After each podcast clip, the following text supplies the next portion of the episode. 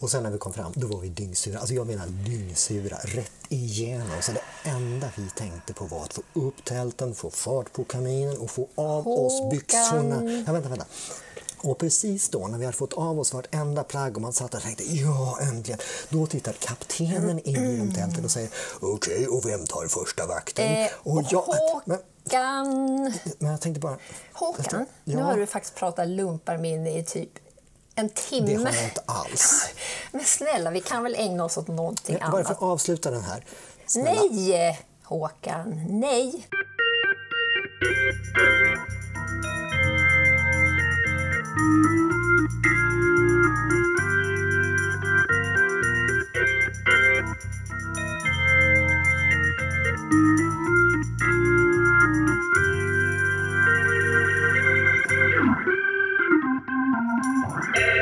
Hälsar vi välkomna till En kvart om Göteborg, Göteborgs stadsmuseums podd om Göteborg.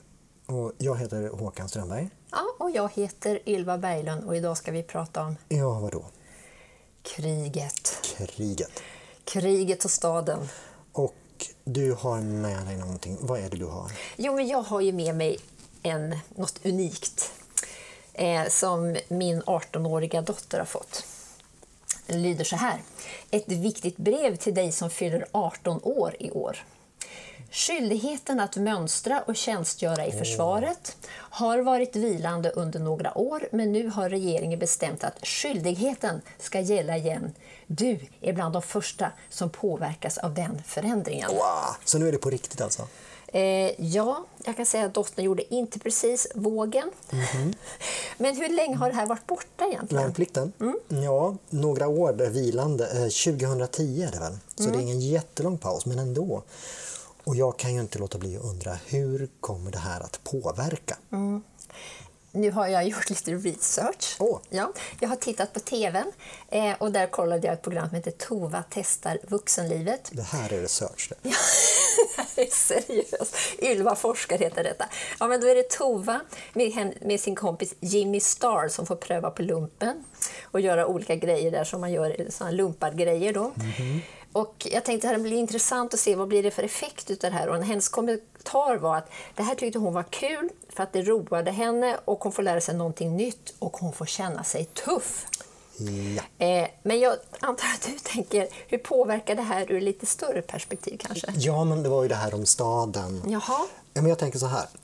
Hur det svenska försvaret har sett ut. Mm. Det har liksom alltid påverkat hur själva staden sett ut. Alltså hur staden rent fysiskt har sett ut. Mm. Vi, vi tänk, alltså tänk, nu tar vi historiskt, vi tänker år 1700. Mm. Typ, hur ser staden ut? Murar runt hela Murar runt staden. alltihop, stora vakttorn, Skansen Kronan, Mm. Skansen Lejonet och ute i vattnet ligger Nya Älvsborg och ser ondsint ut. Ja, så har vi vallgraven. Ja, men är det inte typiskt? Så fort man säger här ska vi bygga en stad så säger de här ska vi gräva ett stort dike för danskar att drunkna i. Titta, de bygger en ny stad, vi går och tittar på den. Blubb, blubb, blubb. Stackars danskar. Ja, men är det här. Och, och till och med sånt som inte direkt har haft med stoppa kanoner att göra. Utan, alltså, äldsta huset vi har kvar, kronhuset. Militärförråd från början. Och så har vi kanske Heden har vi. Ja, som man bygger för parkering och fotboll. Inte. Nej. Nej, men det här är ju den gamla exercisheden och det var Mm. här soldaterna skulle lära sig marschera och stadsbornas kor fick äta sig feta åtminstone på 1800-talet. Soldater och kor. Ah, Okej, men det, alltså, då får vi se sin tids krigsföring. Det är också sådär va? Japp, här ska vi marschera. Täta kolonner, höger om, vänster om, ge vakt, ge fyr, ge någonting. Ja, det låter inte så modernt längre. Inte jätte. Och det är också så här kul att varje gång försvaret har förändrats så har det lett till liksom ny arkitektur. Ja. Skansen, kronan hade sin tid för drygt hundra år sedan. Då skulle plötsligt alla värnpliktiga in och hållas liksom samlade länge. Och då får vi kaserner, som Kviberg. En egen form av arkitektur. Ja, så här lite mittemellan skola och fängelse. är- Militärförläggning. Träffande. Mm. Ja, jag fortsätter, jag bara fortsätter. Ja, Rakt ja. av. Ja. Mm. Andra världskriget, Jaha. kalla kriget, sin arkitektur. Nu är det störtbombningar man fruktar, nu är det atombomber och då får vi skyddsrummen. Helt ny arkitektur, halvhemlig arkitektur. Ja, men precis. Vi ser ingångarna. Men vad finns där innanför? Det viskas i kilometerlånga gångar och djupa rum. Gollum ligger där, precious. precious. Ja, alltså, ja, jag har en favoritplats. Jag ska erkänna, jag har en favoritplats i västra Nordstan. Och den är så fantastiskt andra halvan av 1900-tal-ish. För där ligger först en lekplats, barn äh, leker. Och bara idén att bygga en särskild plats för barn att leka är så vansinnigt andra halvan av 1900-talet. Och bakom den, i fonden, så ligger ett gigantisk majestätisk entré till ett skyddsrum som också är sådär jätte 1900 andra halvan-talet. Ja, men det är mycket med de här med skyddet, tänker jag. Det finns ju också små skyddsrum. Ja, Så här, det finns knappt en skola, ett hyreshus från sent 1900-tal som inte har ett eget skyddsrum i källaren. Och den här speciella lukten. pratar vi jordkällare eller Nej, men du vet, det är något speciellt. skyddsrumslukt? Mm, skyddsrumslukten. Och, och de, här, de här gigantiska ståldörrarna de har med såna här fällhandtag. Ja, men jag blir så här, kusligt, alltså man är rädd för att bli instängd. Alltså jag hade en, hos min mormor så hade hon en sån där skyddsrum med sån där gigantisk ståldörr som man bara kände, nej släpp, släpp ut mig, inte stänga. Ja, en, en annan arkitekturgrej som vi kanske inte ser så mycket in i stan så här, det är ju alla de där mobbförråden. Alltså typ en lada som låg lite var som helst med utrustning i händelse av krig. Jag menar, vi fick ju till och med en ny slags brottslighet. Ja, men alltså militärligan och Ja, de som ja, gräver sig det. in i militärförråden. Sen är de plötsligt utrustade med full automatkabinutrustning som de kan råna banker med. Ja, men det är kusligt mycket. Men ingenting av det här är ju militärt längre. Nej. Alltså det, det byggs för militären och sen så blir det omodernt och så lämnas det över. Och jag tänkte så här, hade det ens blivit en grungevåg utan överskottsbolaget med alla militärgrejer? Jag tänker på alla de här grötrockar och lottapälsar och militärväskor som jag i alla fall använt genom åren. Men åter till Heden. Fotbollsplatsen. Mhm. Och ständigt nya planer för Heden. Nya visioner för hur Heden ska bygga på Göteborgs stads dokument om hållbar stadsutveckling i tre dimensioner. Det är, ja, men det, man förstår ju att när man ska bygga på den här gamla exercisheden så måste man ju få in de här, de är att det ska vara integration, det ska vara, man ska ta tillvara på den här höga exploateringsviljan i Göteborg och man ska bygga med varaktiga material och förtäta med det gröna kvaliteter. Alltså det låter ganska långt från marscherande exercistrupper, gör det ju. Ja, det kan man väl anta.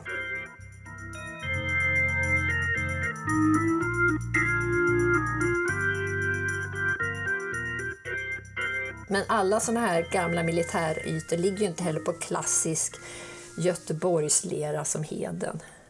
Nej, men alla förändras känns det som ibland. Jag menar, Skansen, Lejonet och Kronan, vad är de restauranger? Ja, precis. En del blir köpcenter. Ja, kasernområden blir Ja, speciellt ja. det. Och Kronhuset, det Rep. är numera ja, en replokal. Och så har vi de här skyddsrummen i källare. Nu är vi tillbaka med skyddsrummen. Ja, mm. Eh, det är väl allt möjligt från skräpkammare till pingisrum idag. I Majorna vet jag till exempel att just nu så har det, ja, det kanske pågått i alla fall under de senaste åren, en kvinna som har dragit igång en gratisbutik i en av de här skyddsrummen på ett hyreshus. ja, jag har sett skyddsrum som används som fritids. Ja. kan ju vara strategiskt.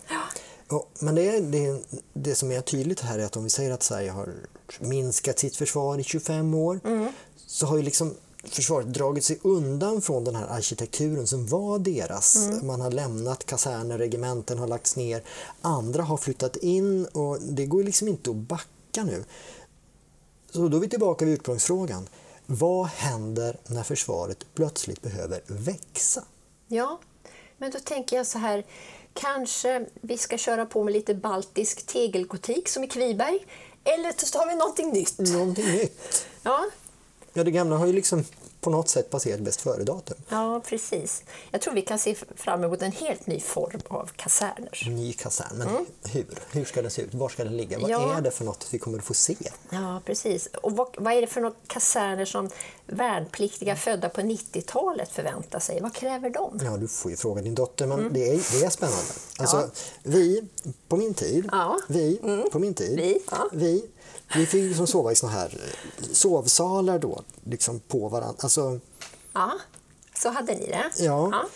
Och där bodde vi i månader i skrangliga våningssängar med ett plåtskåp som personlig space och inget wifi. Och alltså, kommer de att acceptera det? Alltså jag har svårt att tänka mig det. Så vad, vad kommer istället? Ja, men jag tänker så här, kanske ett eget rum, lite chill hotellkänsla eller kanske åtminstone ett studentboende. Och sen har vi det här med kön. Jaha, kön. Jo men alltså nu så ska killar rycka in, tjejer ska rycka in. Det kommer rycka in de som inte vill definiera sig som vare sig kille eller tjej. Och det ska försvaret hantera. Och, och då tänker jag, kommer man att tänka maximal separering. Det här är pojkkorridor, det här är flickkorridor, pojkdusch, flickdusch, det här är pojkbajsgrop i skogen, det här är flickbajsgrop i skogen. Nej, sluta. Ja, Jag tycker bajsgropar är viktigare än ja, jag fattar, du tycker det. Ja. Ja, eller kommer man att vända helt på det och säga att nej, nu är vi soldater. Och, och vi ska dö för varandra, så då får vi acceptera att dela bajsgrop. Vi får acceptera att vi kommer att vara nakna tillsammans i vissa sammanhang när vi ska duscha av oss efter 14 dagar i myggträsk. ja, precis. Och du pratar om en generation som inte ens är naken i badhuset när de, i duschen. Liksom. Utmaning, säger jag. Och, och nästa fråga är såklart, var ska de här regementena ligga? Ja, men ska vi chansa lite på Gotland när Allihop. ryssen kommer? Ja, allihopa ligger på Gotland. Mm, ja, men det, liksom, det handlar ju om vad är, det för, vad är det för krig som man förbereder sig för. Är det Gotland som ska försvaras? Eller är det, är det den gamla hedliga gränsen vid Torne älv som är grejen? Eller är det kusten, landstigning? Eller är det storstäderna? Jag menar, krig på sista tiden verkar ju hamna väldigt mycket i storstäder. Kommer vi att få ett regemente i Göteborg? Ja, ja men precis. Det blir, hur ska det se ut där de övar sen? Hur du? Alltså, är det krig i städer så kanske det inte är skjutbanor i skogen som det gäller. Åh nej, nu ser jag framför mig en sån gigantisk kulissstad där de ska springa runt och köra paintballkrig. Ja, eller så bara kör de allting så här virtual reality. En internetarmé. Och hur ska det se ut då? Va? Ja, men, ja, men hur ska de se ut? De måste ju ha påverkats av vad det är för slags krig de ska göra sig redo för. Alltså våra gamla soldater, de har vi gjort sig klart utrustade för krig i tallskog. Mm. Grönt är färgen som gäller. Det var rätt mycket grönt. Mm. Men om det är statskrig eller krig bland raukar, hur ska uniformerna då se ut? Har ingen aning, men det är ju jättespännande. Kommer du ihåg när svenska arméns uniformer gjordes om för att kamouflagemönstret var för taggigt? Eh, taggigt. Det var för taggigt. Mhm. Det var för aggressivt. Ja, ja, men så kan vi inte ha det. Nej, man gjorde, alltså det väckte massor av hån. Klart en uniform ska vara aggressiv. Men det beror ju på vad vi vill att soldaterna ska ge för känslor. Alltså. Vad ska de väcka för känslor?